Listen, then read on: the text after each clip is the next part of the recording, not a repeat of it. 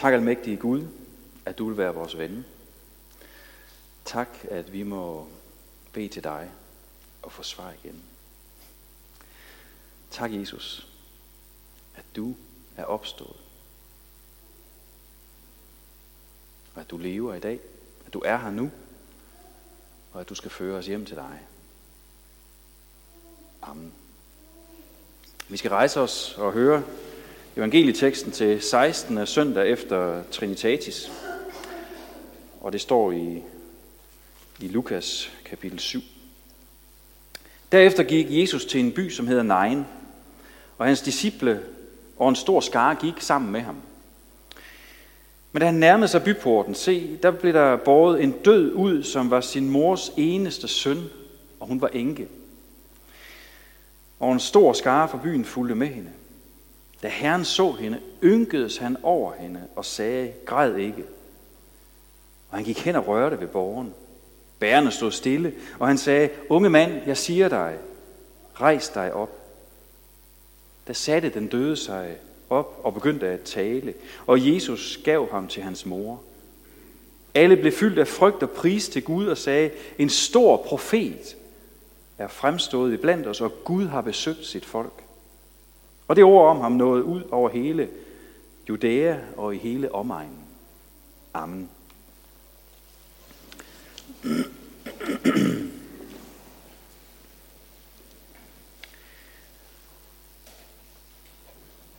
Døden er en fjende, som vi aldrig bliver forsonet med.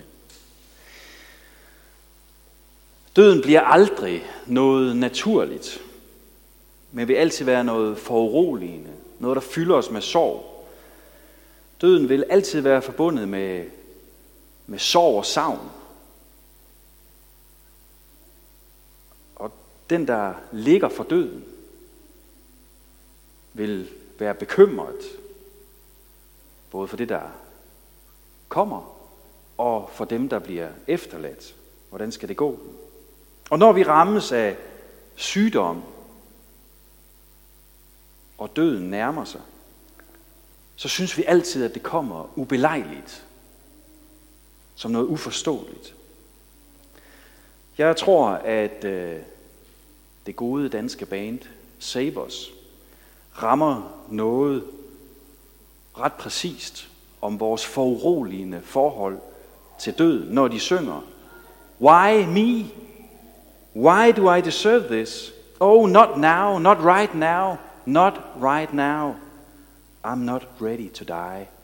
I'm not ready to die. Hvorfor mig? Hvorfor fortjener jeg dette? Åh, oh, ikke nu, ikke lige nu, lige nu. Jeg er ikke klar til at dø ikke klar til at dø. Men selvom vi som mennesker har den her, det her foruroligende forhold til døden, så er døden et vilkår i livet. Vi lever altid med døden som det der bagtæppe. Vi ved, at det er uundgåeligt. Døden kaster en skygge ind over livets sommer og livets sollys. Fordi vi ved, at alt det gode, vi har, det slutter en dag. Og det bliver ved med at være en pine. Det bliver ved med at være en plage. Døden bliver ved med at være en fjende. Og sådan er det. Fordi Gud har lagt evigheden i vores hjerte. Sådan lyder oversættelsen af prædikernes bog, kapitel 3, vers 11, sådan i den, i den gamle oversættelse, og også på flere andre sprog. Gud har lagt evigheden i vores hjerte. Og det betyder, at vi fornemmer, vi erkender, at vi er skabt til liv. Vi er skabt til evigt fællesskab. Men døden kom imellem. Synden ødelagde det, og det plager, og det piner os. Det er også plage og pine og afmagt og ensomhed, der præger billedet af det litog, der kom ud af nejen den dag Jesus kom forbi. Der er et ligefølge, som støtter så godt de kan, som sørger med den her kvinde, der bærer sin søn til graven. Det kender vi selv, når vi er til begravelse. At støtte og sørge sammen med nogen. Men ligesom vi selv føler afmagt over ikke at kunne for alvor afhjælpe det problem, som vi står med. At vi ikke kan trøste nok. Og måske også den der vrede, vi kan føle over, at døden igen har sat sine mørke og dybe spor i mennesker og i fællesskaber. Ja, sådan har de helt sikkert også oplevet det den dag i ligefølget uden for nejen.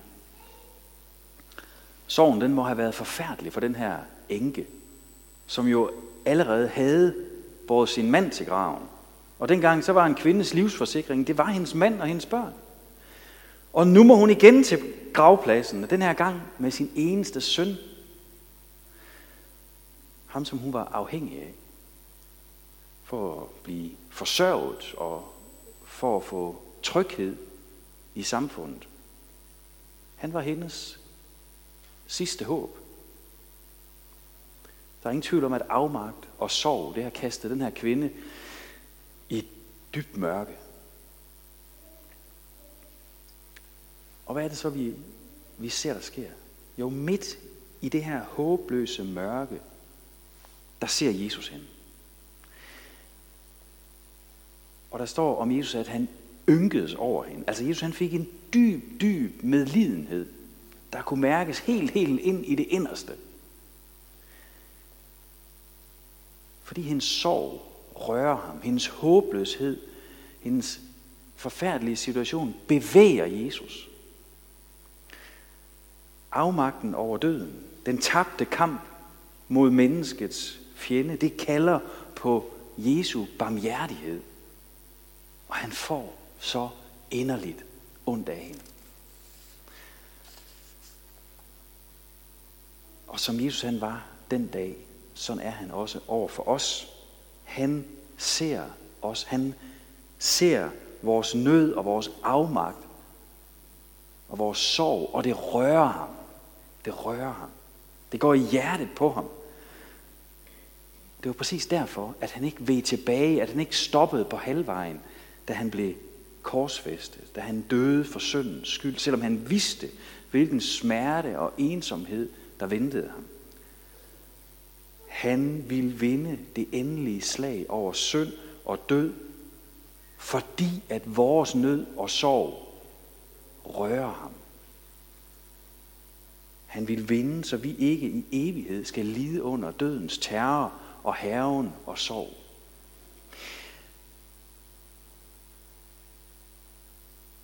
Når vi står i den samme håbløse situation som den her kvinde, eller når vi selv står over for dødens redsel og mørke, den fjende, som vi aldrig kan besejre, er os selv. Eller når livet bare af forskellige årsager falder sammen for os, så har vi brug for at råbe, ligesom det her danske band Save Us, de gør i en anden sang. Will somebody save us? Vil nogen redde os? Vil nogen frelse os? Er der nogen, der kan frelse os og redde os? Ja, vi har allerede fået svaret i dag. Det hørte vi fra Jobs bog. Job, der selv var i en fuldstændig håbløs situation. Og han sagde, midt i al nød og elendighed, så siger han, dog ved jeg, at min løser lever. Når min hud er skrællet af, når mit kød er taget bort, skal jeg skue Gud. Job troede på, at hans løser, det vil sige hans befrier, lever, og at han vil give ham liv med Gud, selv i døden. Selv midt i alt det, der skuffer og tynger og ødelægger, når livet falder sammen, som det gjorde for Job, så ved han, min løser, min befrier lever, og han giver mig liv. Og den her løser, det er Kristus. Det er Kristus. Fordi han overvandt døden som den eneste. Han er den, der kan befri os og redde os, fordi han påske morgen slog dødens magt i stykker. Han sejrede, han opstod. Derfor er hans handling her ved ligefølget uden for nejen også en forkyndelse af, hvad det er, han er kommet for at gøre. Det er en handling, der viser, hvilken kraft og hvilken magt han går ind i kampen mod synden og døden med. Han viser, at han er stærkere end vores værste og stærkeste fjende. Og det her under, som han gør ved at vække den døde, den her tegnhandling, den peger frem imod Jesu egen opstandelse. Der hvor han for alvor brød dødens magt. Den unge mand her, han måtte senere dø igen, da han blev ældre. Vi ved ikke, hvornår det skete. Det samme gjorde jeg Iros' datter, som Jesus også opvagte fra de døde. Hun måtte også dø igen. Og det samme skete for Lazarus, Jesu ven, som blev opvagt fra de døde. Fordi de stadigvæk levede i syndens verden, hvor døden er en uundgåelig fjende for os. En, som vi aldrig må, aldrig kan slutte fred med, aldrig blive venner med. Så måtte de dø igen. Men da Jesus opstod påske morgen, der blev han ikke vagt til live for at dø senere igen. Men han gav døden, dødstødet, så den aldrig mere skulle gribe ham, aldrig mere skulle overmande ham. Vores løser lever nu og her og for evigt. Men hvordan får vi så del i den her fantastiske sejr over døden? Hvordan får vi del i, i sejren over vores værste fjende?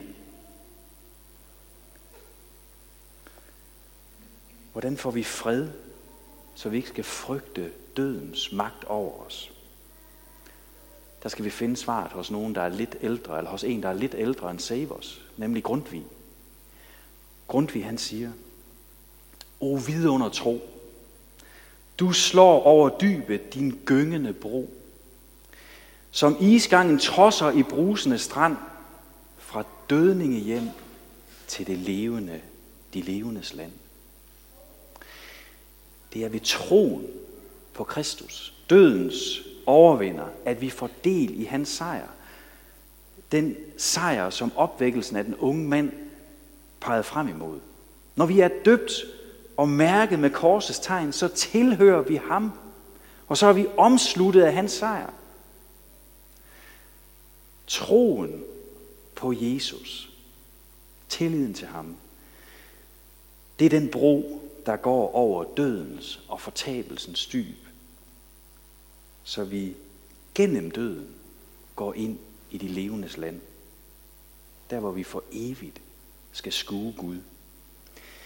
Fordi Jesus opstod og vores løser lever, så skal syndens dybeste konsekvens, nemlig døden, ikke til evig tid forfølge os og overvinde os. Troen er den bro, der fører os hen over det. I dag er der mange, der prøver på at gøre døden til en ven. På trods af dens meningsløshed, på trods af den frygt, som dødens uaf, uafvendelighed skaber i os. Og selvom ingen kan bevise det, så er der mange, der prøver at slå sig til tåls med, at jamen, efter det her liv, så findes der jo ikke mere. Vi skal jo bare dø, og så er alt slut. Så kan man jo dø med ro i sindet.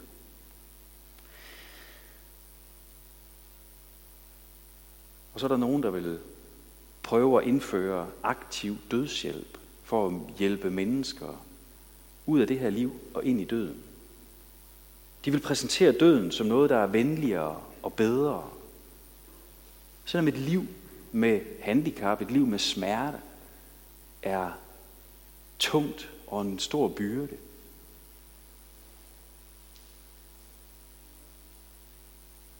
Så er der ingen, der ved, hvad det er, der sker med mennesker, når de bliver hjulpet ind i døden.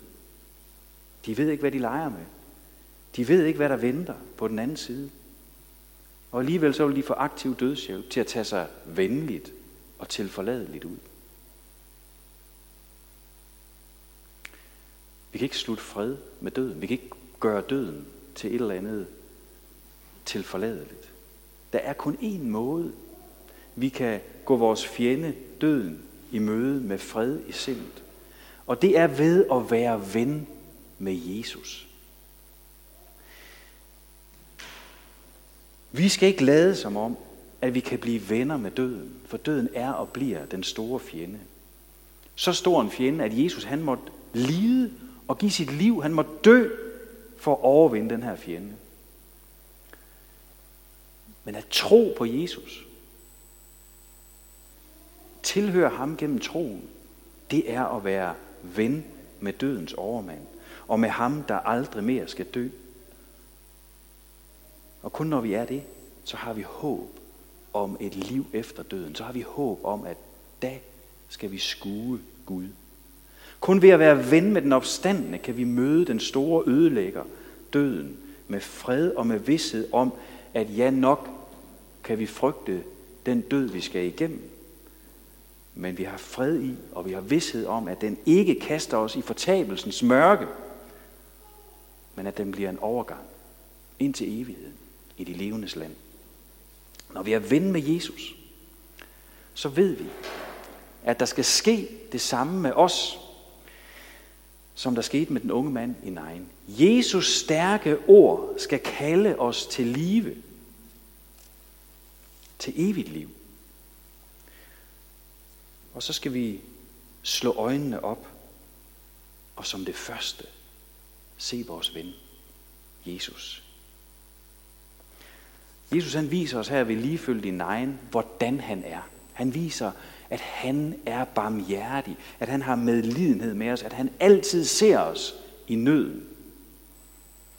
Og så viser han, at han er den stærke og mægtige, hvis ord kan skabe alt af intet, og som kan vække døde til live, og det kan han også gøre for dig.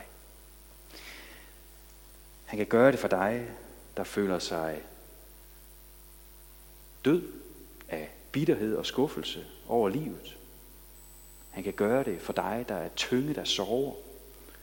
Han kan gøre det for dig, der oplever, at din tro er kold og død. Han kommer til dig. Han ser dig. Kommer med noget og barmhjertighed. Og han kalder på dig med sit mægtige ord. Kom til mig. Rejs dig og kom til mig. Kom og få noget og liv. Og det kald, det lyder igen nu om lidt, når vi skal fejre nadver. Dette er mit lægeme. Dette er mit blod udgydt for dig i de ord, i det sakramente, der er livet. Det ord, det sakramente, har kraft og magt til at vække os til live. Han kommer til dig som din ven, for at kalde dig til liv og til tro, og for at holde dig fast ind til den dag, hvor hans stærke ord skal kalde dig ud af døden og ind i de levendes land for evigt.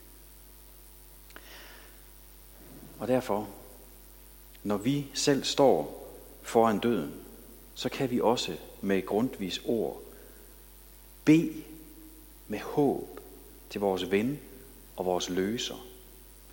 Kom i den sidste nattevagt, i en af mine kære og sæt dig ved min side. Og tal med mig som ven med ven, om hvor vi snart skal ses igen og glemme al vor kvide. Amen. Jesus, tak, at du er stærkere end døden.